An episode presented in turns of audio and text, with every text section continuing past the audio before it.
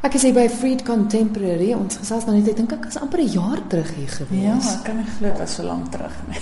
Ons staan nou hier in die collectors room en ons kyk na werke van Angus Taylor.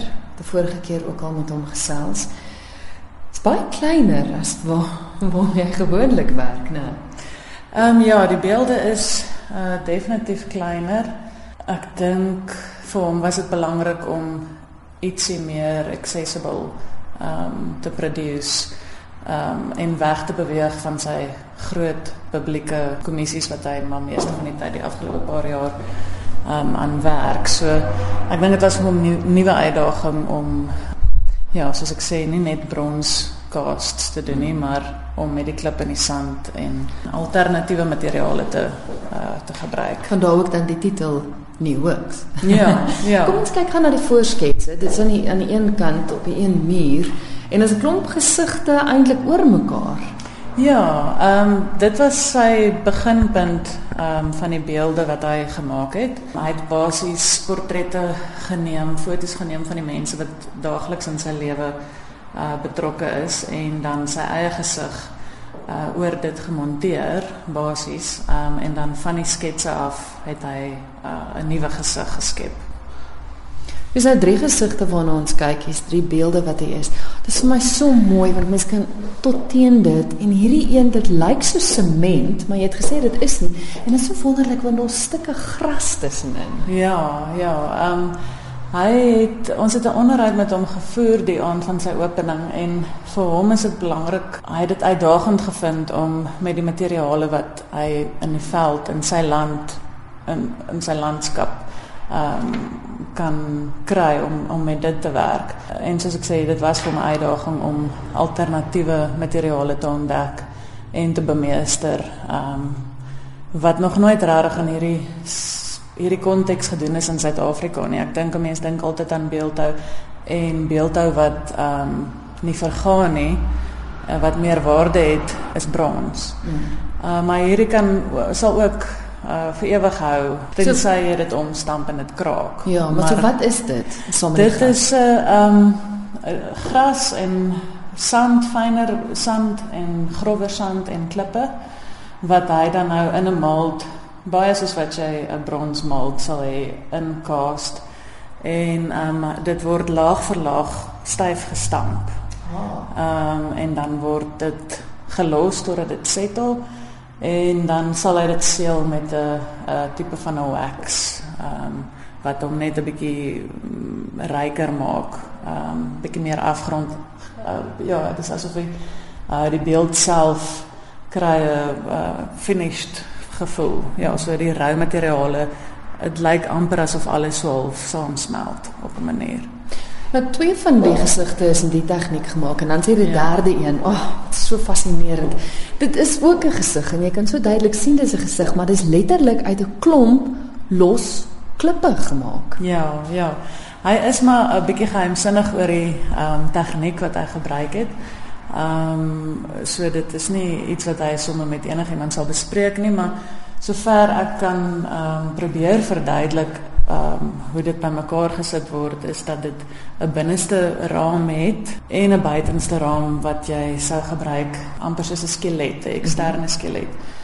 Uh wat wat hy sal gebruik om die ehm um, afmetings uh, korrek te kry tussen die oog en die neus. So dit is amper so 'n masker wat dan gevul word uh van die binnekant af buitentoe. En dit is 'n baie baie ehm um, tydrowende aksie. Ek dink om 5 tot 6 weke om so klaar te maak. So is verskriklik ehm um, ja, tydrowend. Ja, want ek wil net verduidelik, die onderste lip byvoorbeeld is 'n 'n klip aan een. Die neus is een klip. So hy moes ergens 'n klip gesoek het wat soos 'n neus lyk. Ja, hy werk wel aan ehm um, die klippe van hulle word natuurlik met tekstuur bedek soos hierdie is uh, tekstuur wat aange, aangewerk word en dan sal sekere dele uitgekerf wees net vir 'n bietjie meer ja. ehm ja. um, definisie. Maar dis baie min. Ehm um, ek dink oor die meerderheid van die ehm uh, gesig is maar soos jy sê klippe wat gevind is en daai tipe vorm het. Al drie koppe is op klippe, stapel klippe. En dan is daar 'n klip op elkeen se kop ook. Wat is die simboliek daar agter? Ek weet nie, ek dink is ook vir interpretasie om eerlik te wees soos enige enige kunswerk. Uh, maar dit vir my uh, sou ek sê dit is die kop word amper kom uit die klip uit. Mm -hmm. Uh, want dit is op die klippe gemonteer en dit miskien word ook weer klip of dit balanseer. Ja, daar's 'n balans tussen die klip en die grond en miskien uh soos ek sê ja, dit laat dit uit die klip uit of uit die aarde uitkom en mm. miskien weer terug gaan so intoe op 'n manier ek ja. Oh, is natuurlik 'n lekker ding van kuns as jy kan daarin lees wat jy wil. Ja, nee, presies. maar dit moet seker want ek kyk nou hierdie ek meen dis nogal so groot kop en hy staan op 'n redelike klein rotsie onder.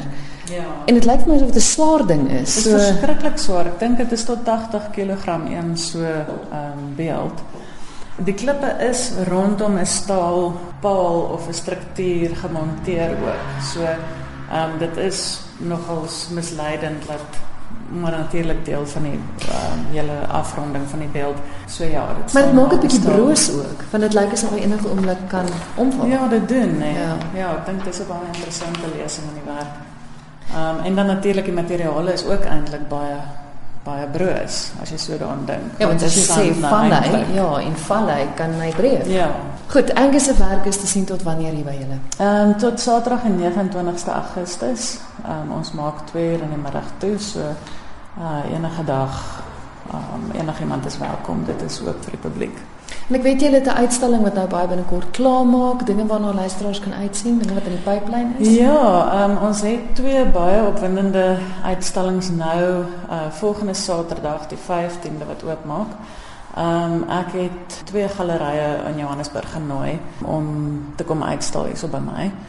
Um, ek het hulle ontmoet by die Turbine Art Fair en um, het al 'n bietjie van 'n verhouding met met een van die gallerye opgebou. En ek het eintlik was dit baie kort kennisgewing of dit was vreeslike uh, geskarrel om um, iets tussen die tussen hierdie show en die volgende shows in te sit.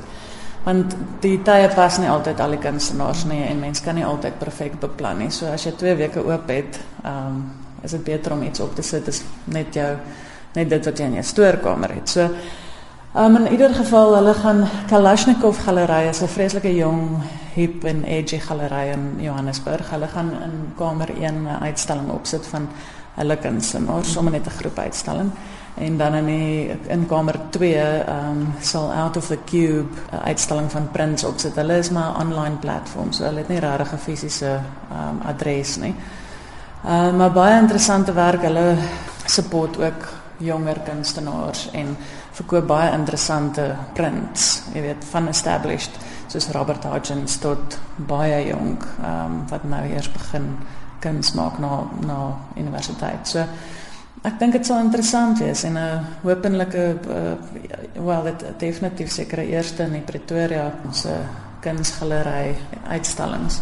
Maar dit is lekker want dis galery waarvan ek nog nie gehoor het nie. Ja, en, soos jy sê jy bring 'n stukkie van Johannesburg hier na toe, so die ouens het weer te ry sien toe nie. Ja, ja, en ehm um, ek dink ook is belangrik vir mense of vir galerye definitief jong galerye soos soos soos myself um, om kontak te maak met ander galerye en om saam te werk, jy weet. Ja, ek dink dit word nie genoeg gedoen hier reg. Ehm um, besighede kan net uh benefit van sulke ek wil wegbly van die term pop-up exhibition want ek voel dit word so bietjie oordoen.